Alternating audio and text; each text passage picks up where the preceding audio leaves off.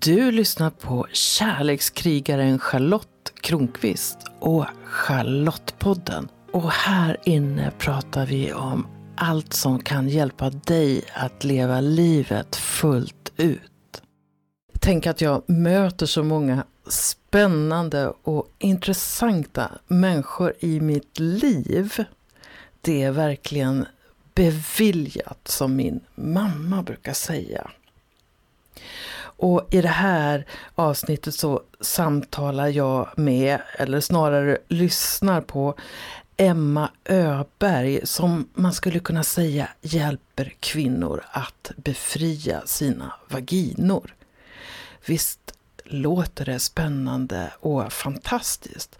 Hon pratar om hur vi kan få tillbaks vår kraft och vilken kraft sitter egentligen i livmodertappen.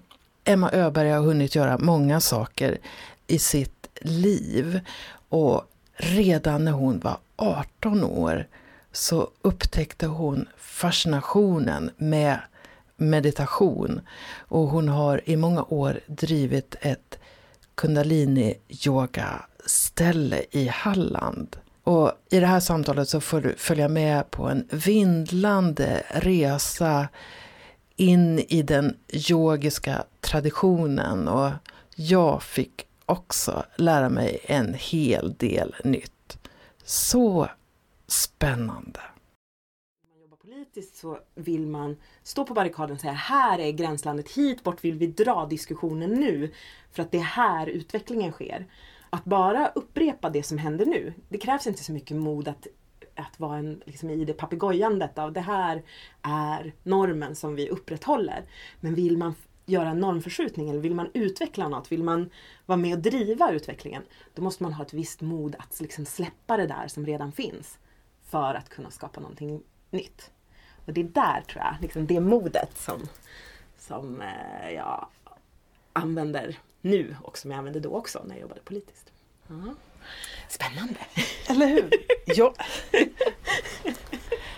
Jag sitter här tillsammans med Emma Öberg som är yogalärare och som just nu har börjat specialisera sig på vaginan. Det låter så spännande. Tack för att du kommer hit! Ja, fint att jag får vara här med dig. Jättemysigt! Mm. Första gången som jag träffade dig var det på det ställe som du har i Halland som heter Mangalam. Mm. Vad är det för ställe? Ja, men det är ett eh, yogaställe och Mangalam betyder turligt eller vad man ska säga auspicious. Att man har ett möte där någonting uppstår som kanske förändrar hela ens liv. Man bara oj vad, vad tursamt att det där kunde hända. Så det är en mötesplats där vi försöker skapa de där väckande, tursamma aha-upplevelserna. Eh, väldigt mycket med yoga, gång, sång och nu också eh, arbete med vaginan och vulvan. Och så spännande! Och då, då tänker jag osökt så här, vad var det som var den där öppningen för dig en gång? Uh, öppningen till, uh, Ja, det som Mangalam står för, ja. det beskriver ju en rörelse. Det måste ju ha hänt någonting i dig ja. för att du ska vara med och skapa ett sånt ställe. Ja, eh, jag tror att öppningen för mig hände när jag var 18 år. Så uh, träffade jag en buddhistmunk. Och uh, han kom till den gymnasieskola där jag gick. Och vi tog en promenad han och jag i skolans trädgårdar. Och så satt vi oss på en parkbänk. Och så när jag satt där bredvid honom så kunde jag känna ett djupt lugn, hur mitt sinne stillade sig och hamnade i samklang med hans genommediterade sinne. Där han hade mediterat 8, 10, 15 timmar om dagen i 10 år. Och den där klarheten i hans sinne spred sig in i mig bara av att sitta bredvid honom. Och jag hade en sån där verkligen djup upplevelse av att wow! Det här, nu har jag hittat någonting i mig själv som är så värdefullt, så närande, så expansivt, så stort som jag kanske aldrig hade känt tidigare i livet överhuvudtaget. Och då började jag eh, som 18-åring meditera i en zenbuddhistisk meditationstradition varje dag. Och den upplevelsen har varit en, en väldigt stark drivkraft i mycket som jag har gjort eh, senare under livet. Mm. Gud vad spännande! Jättespännande! Att du var så ung också! Ja! Och du vet när andra 18-åringar var ute så här och festade, då åkte jag till ett buddhistkloster i södra England och var tyst i tio dagar. ja, så var det då. Och sen dess har det ju hunnit hända så otroligt mycket i ditt liv. Så om vi bara tar ett raskt hopp till nu och det här med yoni-ägg och sånt du håller på med. Hur kommer det sig att du har blivit så intresserad av eh, alltså, Alltså jon, bara jon, ordet yoni är ju så fantastiskt. Det är ju, det är ju som en helig plats som jag ser det. Har ja, det någonting som, med... som en helig portal, uh, verkligen. Och min personliga upplevelse uh, kom ur liksom ett slags uppvaknande när jag var 35 år gammal. Du började säga att någonting hände när du var 35. Ja, nej men, eh, jag har ju mediterat och yogat sen jag var 18 och i olika former och på olika sätt och olika intensivt. Eh, men i den resan så yogans verktyg gör ju att kroppen öppnar sig och slappnar av och eh, man strävar i yogan efter att hitta en, vad ska man säga, en sattvisk eh, kvalitet. Sattvisk? Ja, eller hur? En sattvisk kvalitet. Och det där sattviska det är att vara i homostas, att ha balans i kroppen. I flödet, att kroppen är mm, öppen och vaken utan att vara stressad. Eller hur? Man kan ju vara stressad och vaken och anspänd men man kan också bara vara i ett öppet flöde och vaken i kroppen. Och när kroppen är på det sättet, då skapas också ett sinne som har den här sattviska kvaliteten. Och i yogatraditionen så är ju det ett sätt att sen kunna höra sig själv. Så att när jag har sattvisk kropp, sattviskt sinne, då kan jag förstå, vem är jag? Mm. Det, det är en grundtanke i yogatraditionen. Och eh, när jag då hade hållit på och yogat och mediterat eh, på olika sätt från när jag var 18, ja men då började ju gamla spänningar i min kropp att släppa och öppna. Och jag var så här, oj, fram klev en annan karaktär i mig, en annan, ett annat uttryck. Eh, och jag upptäckte då också, ah, du vet hur viktigt det är att ha den öppenheten och flödet i vulvan, vaginan, livmodern, precis som i vilket annat organ som helst. I mjälten, i levern, i lungorna. Eller som man pratar i yoga så pratar man ju olika chakran eller kroppsdelar. Att, ja men, om vi nu tänker att kroppen sitter ihop som ett holistiskt system, ja då måste ju också vaginan, vulvan, livmodertappen, klitoris, eh, äggstockarna måste ju också ingå, eller hur? Det kan ju inte vara så att ja, men jag ska vara öppen och vibrerande i alla de här andra delarna så att jag kan förstå mig själv. Nej, så kan det inte vara. Så där eh, kom en, en vad ska man säga, ett, ett vaknande i min egen kropp. Det kändes som jag kom hem i min egen kropp eh, någonstans där vid 35 där jag bara wow, så här har jag aldrig känt förut att jag kan vara i kroppen utan ja, men jag kanske hade befunnit mig mycket mer i sinnet tidigare. I, i ett i tänkande och ett rationellt driv och ett presterande som också utifrån hade uppmuntrats för att ja, men är man smart och eh, tänker snabbt och har analys jag jobbade ju som politisk analytiker väldigt länge i mitt liv, så blir det primerat och uppskattat. Medan de här eh, liksom, djupa, intuitiva, förkroppsligade, emotionella tillstånden inte på samma sätt lockas fram. Eller lockades fram av den miljö som jag var i alla fall. Eh, så att när jag landade efter alla de här åren av yoga så var det som att wow, så här är det att vara i kroppen. Ja, så, så var det. Finns det något, eller så här, hade du blivit mamma då? Ja, jag hade två barn. Eh, så jag fick barn när jag var 27 och 29. Eh, och det var också en del av meditations-yogaresan. Så att jag, jag hade barn. Jag bara funderar på den här upplevelsen. Jag har ju burit tre barn och du har burit två då. Ja. eh, då får man ju också en känsla för, för vad ska man säga, potentialen som finns inom, inom oss kvinnor. Så det kanske var en fördel att du hade den erfarenheten när du började jag har, inte, jag har inte känt att det var moderskapet liksom satte igång den här eh, förståelsen av vaginan och kanske också livmodertappen som en väldigt starkt kopplad del till hjärtat och hjärnan och som när jag går in i öppen vibration i livmodertappen så får jag ett sinnestillstånd som ehm, eh, väldigt expansivt. Och jag tror, jag, tror, jag tror, faktiskt inte jag har kopplat det till moderskapet eh, tidigare utan mer än mm, ett åt, att komma hem i kroppen. Att komma hem i vulvan, vaginan, livmodertappen. Att återta kroppen från spänningar, skam, förminskande eller liksom rädsla som satt sig i kroppen från att leva i en kroppsnegativ, sexnegativ eh, kultur där det också finns väldigt mycket övertramp mot den kvinnliga kroppen. Och där jag också liksom, ah, finns flera gånger i mitt liv där jag känt att ah, men nu har, här har det liksom gått förbi min gräns.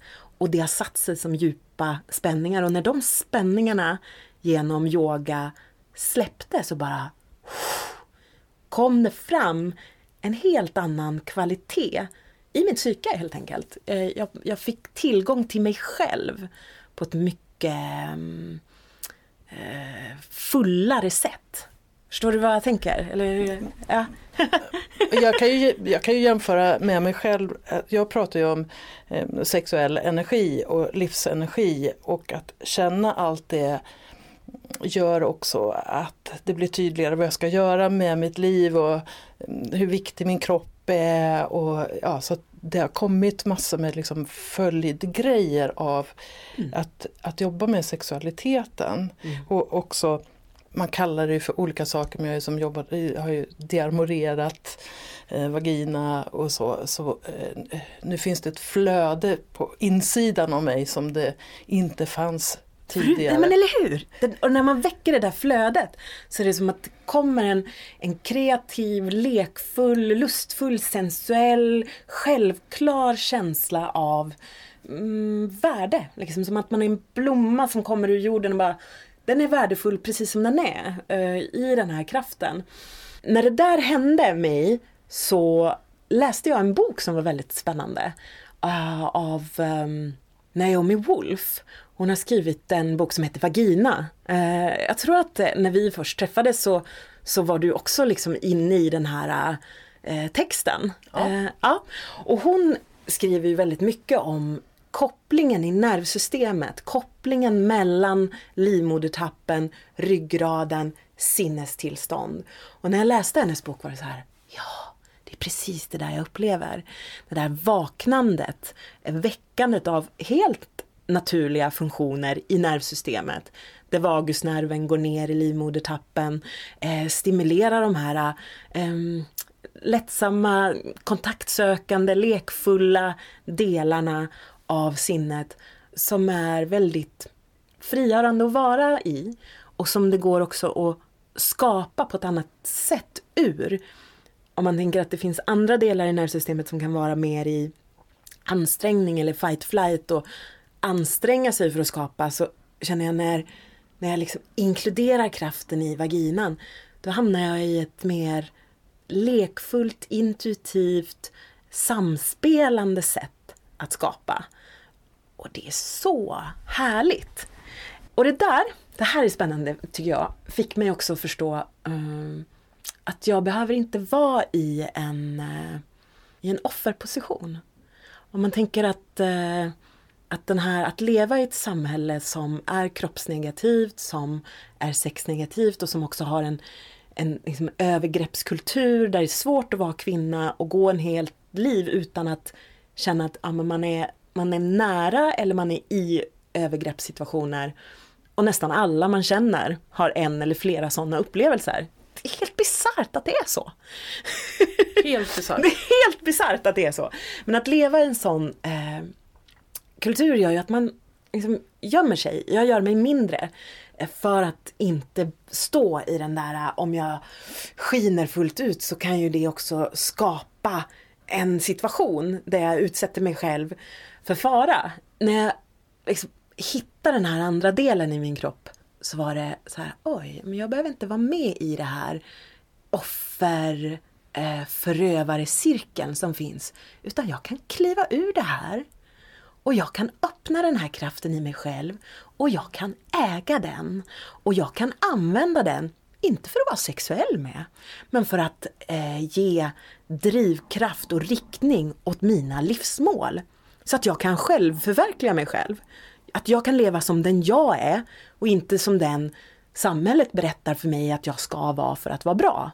Och då tändes ju rebellen i mig. Jag bara Oh my god! Det här måste ju alla kvinnor få möjlighet att göra.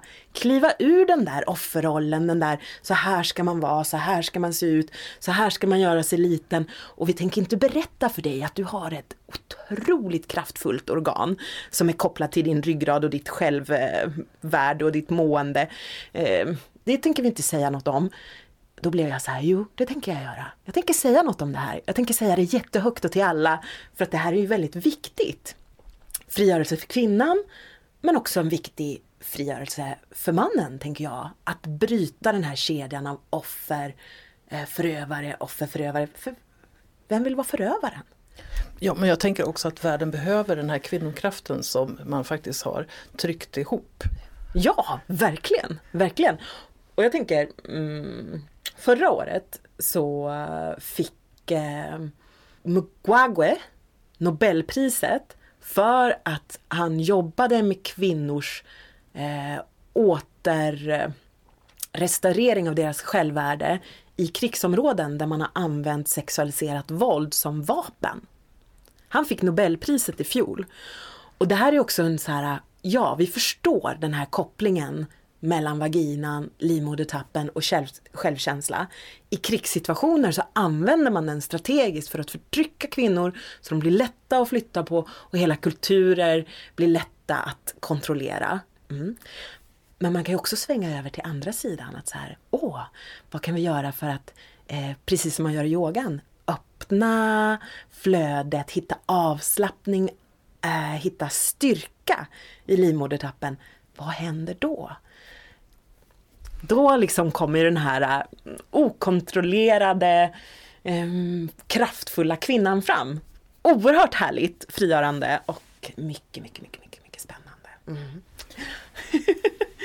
Jag tänker att både det, det, det här att man hjälper eh, kvinnor att komma tillbaka till samhället och, eh, och så, det är viktigt. Men, eh, så att båda de här sakerna tänker jag behövs. Verkligen. Och vad är det du erbjuder kvinnor då idag? Mm. Ja, det sätt som jag har börjat jobba med det här är ju med eh, den taoistiska energitekniken som är yoni-ägg eller vagina-ägg eller jade-ägg meditationer. Där man använder ett, ett kristallägg, ofta gjort av jade, tillsammans med olika yoga-liknande övningar och också självmassage för att släppa spänningar, stimulera insidan av vaginan, släppa spänningar i vaginan, väcka kraft, väcka lust och också eh, vad ska man säga, bli känd med sin egen kropp. Så den tekniken använder jag i onlinekurser, så webbaserade kurser. För de flesta som jag träffar känner att så här, oj, det här vågar inte jag göra tillsammans med andra. Eh, och det kan jag förstå, verkligen. Och eh, andra kanske känner så här att det är skönt att kunna vara hemma där man är helt trygg. Bär man på trauma i kroppen, för att kunna läka så behöver man känna sig helt trygg. Annars läker man inte. Utan då blir det bara liksom ett återtraumatiserande, att man väcker energi som sen inte får vara hållen i närvaro och trygghet. Så därför så har jag gjort helt webbaserade små dörröppnare Jag har spelat in meditationer och så följs man åt med en grupp andra kvinnor i elva dagar. Eh, speglar varandra, hyllar varandra, peppar varandra. Får en inspirationstext varje dag och där man också får hjälp att ta emot de känslor som kan uppstå.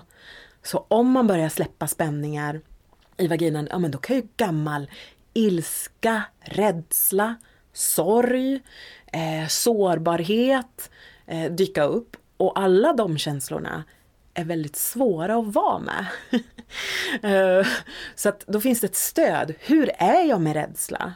Hur kan jag bli närvarande i min ilska, rädsla och sorg så att den får läka, så att den stresscykeln som kroppen har hamnat i om den har varit med om någonting obehagligt kan få bli klar.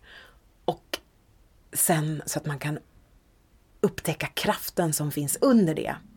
Så att ganska enkla verktyg eh, där man kan jobba hemma men man får ändå guidning, stöttning, hjälp som är tillgängligt även om man inte är så här, åh jag har spenderat hela min eh, liv i yoga hippiekretsar och bara liksom är så himla bekväm med det här med kroppen utan man kanske är väldigt obekväm och vill verkligen jobba med det här hemma själv. Så lite så har jag tänkt att mm, den här rebellen i mig som nästan blir förbannad på att varför har ingen sagt det här till oss förut? Eh, uh, var, varför undanhålls det här? Och även i yogakretsar, varför pratar man om alla andra organ och chakror och whatever liksom? Men varför kan vi inte, varför kan vi inte ens säga vagina? Varför kan vi inte säga det liksom? vad, vad, vad, eh, liksom, hon, rebellen i mig, blir verkligen så här, men det här måste ju ändå eh, få vara tillgängligt. Um, så att den här ja, avslappningen, kraften, lekfullheten, lusten, mötet, samspelet kan få ske. Så det inte, ja, så. Mm. Vad får du för respons? Åh, jag får så mycket mycket positiva, så här, oh, jag har hittat min kropp som jag inte har varit i förut, jag har hittat kraft att våga göra det som jag inte vågat göra förut. Otroligt mycket tacksamhet bara, åh Emma tack för att du vågar göra det jag inte vågar göra, för att du går steget före. Eh, för att, eh, ja men bara för att liksom, du gör det här tillgängligt. Och allt från att ja, men jag hittar lust i kroppen igen till att ja, men jag vågar göra det som är viktigt för mig istället för att bara underordna mig i det som alla andra tycker är viktigt. Jättemycket positiv respons. Superkul är det. Då tänker jag så här att din personliga utveckling, går den då bara något steg före dina deltagares? För jag tänker du måste ju också upptäckt din kraft mer och mer och sen så gör den att du förverkligar det som känns viktigt för dig. Hur ser liksom den, din personliga cykel ut där? Ja men så kan man nog säga att det, jag är lite som en äventyrare som går genom en snårskog. Och så upptäcker jag hur man tar sig igenom den här snårskogen. Och sen så ropar jag lite, kom med mig genom skogen. Och så följer de som hör det ropet med mig. Eh, och sen kanske de ställer sig och ropar bakåt, följ med oss in i skogen. Eh, och det är lite så att, att vara rebellen och bryta mot normen och prova och gå in i den vilda skogen för att se vad som finns där. Det... Behöver du en machete då? Nej, jag tänker inte. Men, men det jag upptäcker är att saker som jag upptäckte som kanske tog flera år för mig att snåra mig igenom. När jag kan guida någon annan så kanske det bara tar någon vecka för dem. Så att jag kan ha hittat vissa nycklar som det är så här, aha, hade, jag fick prova, misslyckas, prova, misslyckas, prova, misslyckas, prova, misslyckas och till slut, ah, så här, nu funkar det. Men så ser jag någon syster komma in i samma läge så kan jag säga, du, prova så här, tänk så här, vad händer då? Då låser de upp den dörren mycket snabbare. Eh, för att jag kan skina lite ljus från min egen erfarenhet mot just det, ja men prova här. Så att det, det, ja så kan det bli. Men så tänker jag så här, att om många kvinnor blir fria i sitt inre, i sin mm. vagina, och det blir mycket liv och mycket kraft där. Mm. Så i förlängningen så skulle det kunna betyda att samhället förändras. Du har ju en bakgrund som har jobbat med liksom, politik. Mm. Kan du se att de där två sakerna på något sätt mynnar ut i samma? Ja, verkligen. Alltså, jag tänker att eh, fritänkande förkroppsligade människor skapar andra samspel.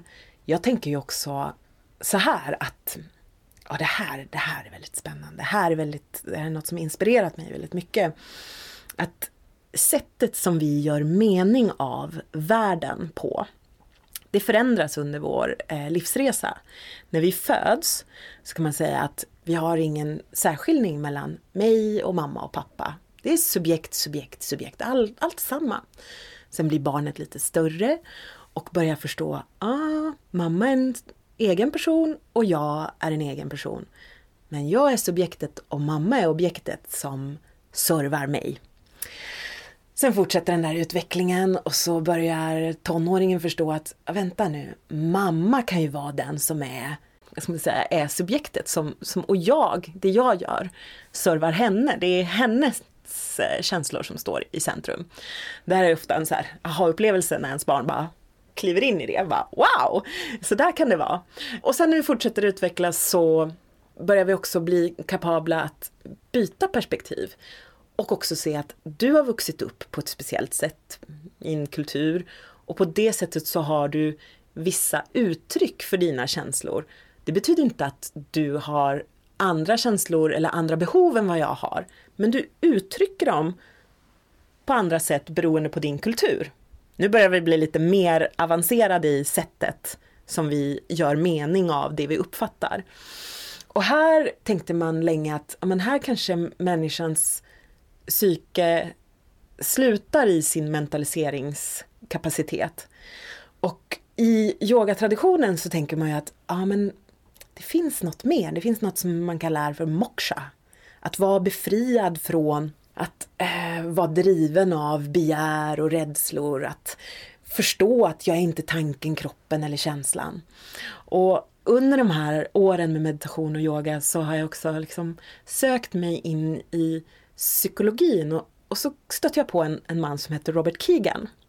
Där han hade forskat på människor och han såg att efter det här steget av att vi kan förstå varandra fast vi är från olika kulturer så fanns det några personer som också utvecklade kapaciteten att kunna se sina egna tankar, sina egna känslor, tankekonstruktionerna och det var objektet.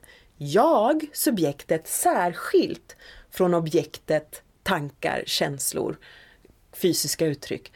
Och när jag kan göra det med mig själv, det är det här vi gör i meditation väldigt mycket, att så se, mm, den där tanken kommer och försvinner. Den här känslan kommer och försvinner. Och när jag kan se att så fungerar det i mig, då är det rimligtvis så i dig också. Så jag subjektet, mina filter objektet, hmm, du, dina filter objektet, du subjektet. Och där kan man sen då utveckla en kapacitet att relatera subjekt till subjekt. Du och jag är samma. Det här är ju det man i yogan kanske så här, oneness, vi har ett medvetande. Och det här beskriver den här psykologen på det här sättet att ja, men vi har den potentialen. Wow! Hans studie visar på något som är ganska sorgligt på ett sätt. Att det är bara en procent av de som han studerar som förverkligar den potentialen. En procent klarar av att utveckla det här vuxna sättet att göra mening av världen. Och det jag tänker då, när vi kommer tillbaks till din fråga, påverkar det här världen politiskt om vi öppnar upp vår förmåga att ha kraft i kroppen, vara i sattvisk vibration, i kroppen, i sinnet. Kommer det att påverka hur vi relaterar till världen? Ja, vi blir ju vuxnare, vi blir mognare, vi, klar, vi klarar av att vara mer empatiska. Vi kan förstå att ditt sätt att uttrycka dig och dina behov och dina känslor, det är bara ett filter. Det är bara, jag kan objektifiera det och jag kan se, känna, höra medvetandet, människan i dig och relatera till det.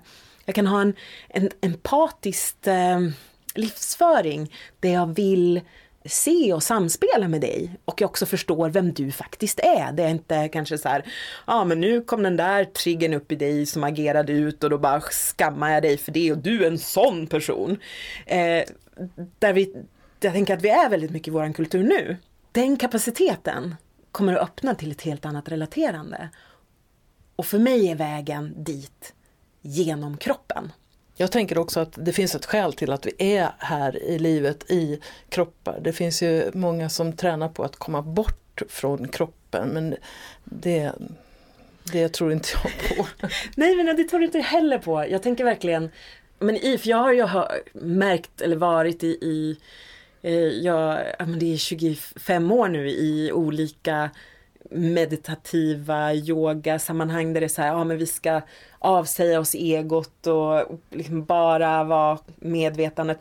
Men min upplevelse och också när jag liksom går djupt i olika spirituella skrifter så är det inte all, det är, det är som ett missförstånd.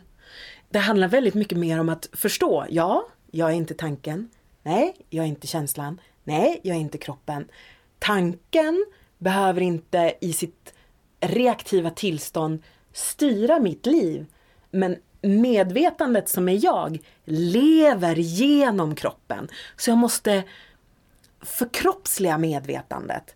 Jag måste först klara av att förstå. Kroppen är inte och sinnet är inte och känslan är inte det som, som styr mig. Jag måste förstå vem jag är, vem är ledaren i den här farkosten. Men när jag hittat ledaren i farkosten så behöver jag låta det få bli det som ligger bakom varje handling. Och kroppen kan göra handlingar. Eh, hjärtat kan öppna in i bröstkorgen, in i händerna, ut i världen och bli till medvetna handlingar. Och i yogan så är det här, då kallar vi det skillnad mellan karma och dharma. Att leva omedvetet på grund av vad som har hänt en tidigare i livet, undvika vissa saker för att man är rädd för det eller vill ha, drivas av begär av andra saker för att man, och så dras man mellan den där rädslan och begäret. Eller jag kopplar med det som är medvetandet i mig och gör medvetna handlingar, dharma. Det kan vara exakt samma sak som man gör. exakt samma handling, men drivet av en annan impuls. Ja, är du med? Mm. Men, och då tänker jag så här, när du fattar beslut, för det behöver ju du också göra. Hur tar du med dig den här mm, medvetenheten? Jag ska börja göra yoni-äggträning. ja, eh, för mig är det väldigt mycket att höra en ton eh, inuti som berättar för mig att nu är jag i samklang.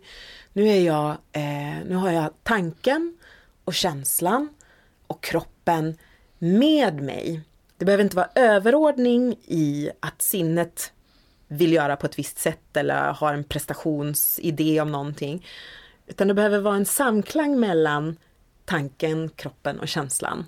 Och när det finns, då kan det komma väldigt tydliga, snabba beslut. Säg att det är så här, jag är lite överväldigad, det händer många saker i livet samtidigt. Då kan ju det blir svårare. För mig blir det svårare att höra, höra den där inre kompassen. Då kan det bli så att ja, men då får jag ge det längre tid. Kanske inte kommer några snabba beslut. Här plötsligt blir det lager på lager på lager av känslor som jag behöver känna igenom för att hitta det här är det som känns helt linjerat och rätt i mig. För mig när jag tar beslut handlar det väldigt mycket om att, att hitta den där, vad är sant i mig? Istället för kanske vad, vad förväntas av mig utifrån.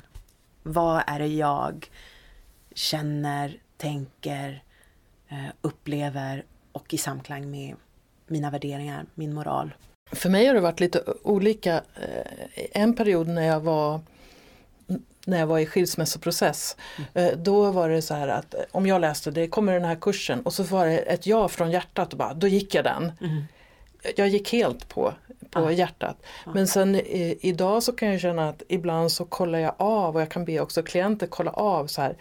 Eh, vad, vad önskar du ditt hjärta just nu? Mm. Vad önskar ditt solarplexus just nu? Vad önskar eh, ditt, ditt bäcken just nu? Vad önskar din tanke just nu? Och så ser man, finns det en alignment mellan de här eh, just nu eller inte? Och så kan ju personen välja vad den vill göra men det är också medvetandegöra att det kan finnas olika önskemål och behov Mm. på olika platser och då eh, jag menar, när jag säger sinnet, då är det ju tanken. Mm. Och hjärtat kan ju vara känslan och så kan man kalla det för lite olika saker. Nej men eller hur! Och att man kan lyssna i de olika, på de olika platserna. Ehm, verkligen. Jag använder mig också av en annan metod som har liksom Liksom uppstått ur min, mitt arbete med att skapa kurser och eh, eh, händelser som är, jag får en vision där det är så här, det här ska göras. Det kanske är att jag eh, sitter och pratar med en väninna och vi bara "Åh!" hittar en spark. Ja, men vi borde skapa en lekplats för kvinnor att utforska eh, sig själva, en playground. Och i det så, så hör jag att ja, men det här är rätt. Det här är någonting som är meningsfullt och någonting som är linjerat med mitt kall i livet. Sen applicerar jag det tänkande rationella sinnet. Aha, hur ska den lekplatsen se ut? Vad ska jag göra där? Vilka datum? Hur, med vem? Vilken kock ska det vara med? Hur ska schemat se ut? Vilka tider? Allt det där som sinnet är jätteduktigt på att göra. Och så gör jag en, en ram och ett, ett strukturellt planerande av hur det här ska gå till. Sen, och det kan också vara, då ska vi göra den här övningen och den här övningen och den här. Sen släpper jag det så det är som en slags strukturell bön kan man säga. Sen släpper jag det och så är jag med en annan intuitiv del av sinnet som skapar nytt. Man kan säga, jag brukar kalla henne för häxan. Men så här, hon tänker inte fram saker utan hon ser och sen manifesterar hon det. Och det kanske inte alls är exakt som den här planen som det rationella sinnet har tagit fram. Men det kan vara att det använder alla de pusselbitarna men i en annan ordning. Så att den rationella planen blir en bön och eh, det som sen kommer ur den kreativa, konstnärliga eh, häxan blir bönesvaret. Och i den processen så är jag också väldigt medveten om att säga ja till henne. Att inte ifrågasätta hennes kreativa impuls och istället vara nyfiken. Ehm, så förra veckan så hade jag ett, eh, vi skulle ta, vi skulle ta promotionbilder till min nästa kurs. Bara så här, porträttbilder och stående bilder. Mm, lite vanligt så. Så dök, ehm, dök min ehm, fotograf upp som också är konstnär. Och vi var, jag var så här, åh jag vet inte vad vi ska ta, vart ska vi vara, vilka kläder ska vi ha, du vet liksom den här rationella planerande.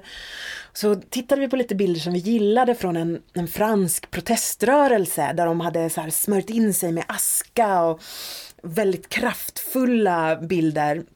Politisk protest mot kvinnligt, eh, mot, mot våld som ledde till döden för kvinnor. Jag vet inte om du såg de bilderna, jättefantastisk. Eh, fantastisk demonstration. Så tittade vi lite på dem och så var det så här, men vad är det vi vill uttrycka? Och så, ah, vi vet inte. Så packade vi en väska med allt möjligt och åkte ut i skogen. Och när vi kom dit så kom den där impulsen. Ja, ja men nu tror jag att jag faktiskt ska smörja in mig lite med jord här.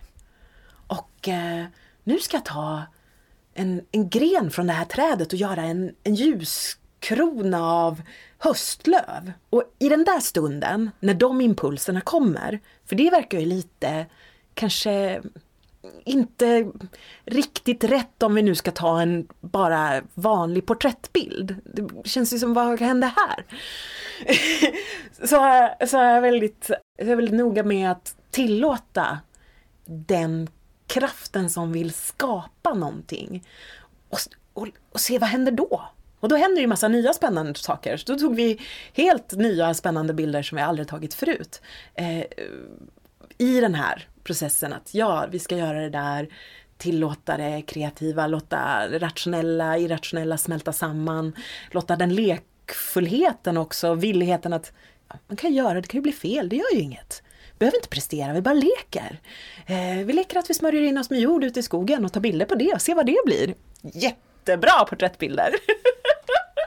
så, så där kan det vara när jag eh, tar beslut. Eh, det var det du frågade lite runt. Mm. Ja, och så tänker jag om vi då som går varvet runt och då, och då eh, kvinnor då som väljer att uppmärksamma sin vagina och väcker upp återtar kontakten med allt det här. Är det sådana här resultat som, som kan komma? Ja, jag tror att mm, att komma i kontakt med vaginan ger tillgång till en lekfullhet, sensualism, en, en känsla av att höra till i kroppen, att kroppen självklart är min och också den här, eh, vad ska säga, ja, själv, självsäkerhet som är som inte är skapad utan mer helt självklar. Eh, en självklar självsäkerhet. Det resultat som kan komma av att tillåta vaginan och vaginans kraft och livmodern och livmodertappens kraft in i resten av energisystemet. Det är en väldigt uh, mm, lekfull kraft som kommer fram då. Jag håller ju på mycket med tantra och, och, och också i mitt liv liksom att jag utforskar även den sexuella delen utav det här med, med vaginan och lust och, och, så. Och du sa tidigt i samtalet här att, att typ, eh, det behöver inte ha med sexualitet att göra. Men har det inte också betydit eh, någonting för, för, för din sexualitet att utforska de här sakerna? Väldigt mycket och för de kvinnor som går kursen också. Men jag tror varför jag nämnde det är för att den sexuella kraften eller sexuella energin eller sexualiteten har många gånger varit till för någon annan. Och det finns en slags kulturellt missförstånd att sexuell energi bara är till för sex. Men man kan eh, faktiskt eh, integrera den här kraften i sig själv och ha den för massa andra saker. Men självklart påverkar det ju också eh, det sexuella samspelet. Och för mig så upplever jag det som att det har blivit heligt. Det har blivit eh, en upplevelse av att komma i heligt samspel där två kroppar blir, eller två nervsystem eller två energisystem blir ett större system. En större varelse som sen blir den enda varelsen, hela universum. Eh, och upplevelsen av att inte vara separat utan i total koppling, kontakt, varandet med alltet. En väldigt spirituell, helig upplevelse av livet i sin absoluta form i den här stunden där tiden kan stanna. och, och, att vara så med någon annan, det är en... Eh, eh, men det är sån djup eh, välsignelse. Mm, det känns som att, ah, det känns så rätt. Så, så här ska det ju vara. Det sexuella samspelet leder till en upplevelse av medvetandets närvaro. Men jag kan också, liksom, om jag tänker på feedback som jag fått av andra, så kan det vara bara att komma tillbaks till sexuellt umgänge. Mm, att man har längtat efter det och jag har haft klienter som varit så här, ja ah, men jag eh, haft spänningar i vaginan sen förlossning, sen gick jag med de spänningarna i 15 år.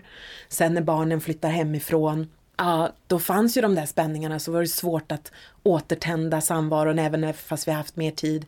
Ha, nu har jag gjort de här övningarna, nu bara rinner vaginasafterna till, nu finns lusten, nu har vi sex igen. Och det i sig nu låter det som att men det i sig är litet, men det i sig är ju jättestort. Det här liksom, tada, heliga liksom sammansmältandet. Fantastiskt välsignat, underbart att vara i medvetandet. Men också bara att ha skön sex. Eller hur? En, give it! en, en rättighet som jag tycker att alla kvinnor eh, skulle kunna få ta för givet. Att så ska det kunna vara. Att vill jag ha bra sex så ska jag kunna ha det. Ja, så att, mm, ja. Det känns ju som en fantastisk avrundning på vårt samtal. Tack så fantastiskt mycket för att du vill komma hit till min lilla eh, sängstudio på Ståltrådsvägen. Jättefint att vara här. Wow, visst är det fantastiskt att lyssna på Emma Öberg, någon som har hunnit hålla på med yoga och meditation i mer än halva sitt liv. Det är ju fantastiskt. Och jag fick lära mig en del nya termer genom att lyssna på det här.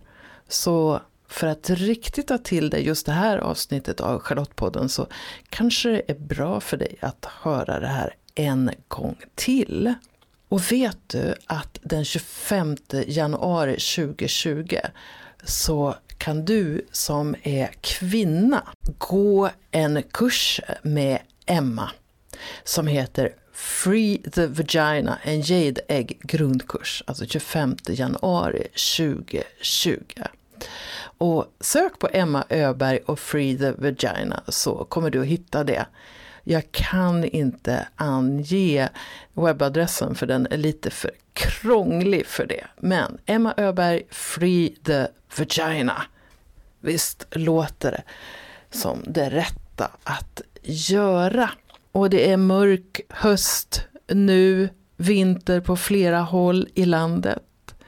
Och i år finns det en chans till att gå en lekfull tantrakurs Årets sista sker i Stockholm 7-8 december och det finns några platser kvar. Just när jag säger det här så är det lika många kvinnor som män som har anmält sig till kursen. Varmt välkommen dit. Du hittar den såklart på min hemsida charlottekronqvist.org. Och nu ska jag berätta lite mer om varför jag skapar lekfull tantra. För det är klart att en kärlekskrigare som jag vill att du ska få ett fullödigt, härligt liv. Lekfull tantra, vad är det? Jo, det är något för dig som vill leva fullt ut. Tantra kan bidra till att du expanderar som människa och att du lever livet mer på dina villkor. Det handlar om att vara med när livet händer. Att du lägger märke till dina sinnesintryck. Att du blir medveten om dina känslor, din andning, dina rörelser och dina ljud. En del av tantra handlar om njutning och sexualitet. Men det är så mycket mer. En väg in i dig själv. Ett sätt att få mer energi och att känna livet spritta i dig. Jag vill att det ska vara lätt för dig att vara du. Jag vill bidra till att du känner dig tryggare och med lekfull tantra kan du öppna möjligheten till mer sinnlighet och njutning. Du kan läsa boken Lekfull tantra, din väg till att njuta av livet. Den finns både i nätbokhandlarna och på min hemsida. Och när du köper den direkt av mig så blir den lite dyrare men du får med en kärlekshälsning. Eller så kan du gå en kurs i lekfull tantra det finns både en onlinekurs för dig som vill träna själv och som helgkurs för dig som vill träna med andra. Då och då ordnar jag också kortare workshoppar. Vill du bjuda in till en workshop på din ort eller i ditt hem? Ta kontakt med mig. Du når mig enklast via hemsidan charlottekronqvist.org. Kom ihåg att prenumerera på Charlottepodden så att du är med när nya avsnitt kommer. För vem vet vad du kan få lära dig om livet i det avsnittet. Rekommendera gärna podden till en vän så är du med och sprider vetskap om att den här podden finns och berätta vad den ger just dig. Jag skulle bli så glad om du också går in i din podcast-app och lämnar en kommentar eller skriver en recension av podden. Ju fler som gillar podden öppet, desto fler kommer också att hitta den.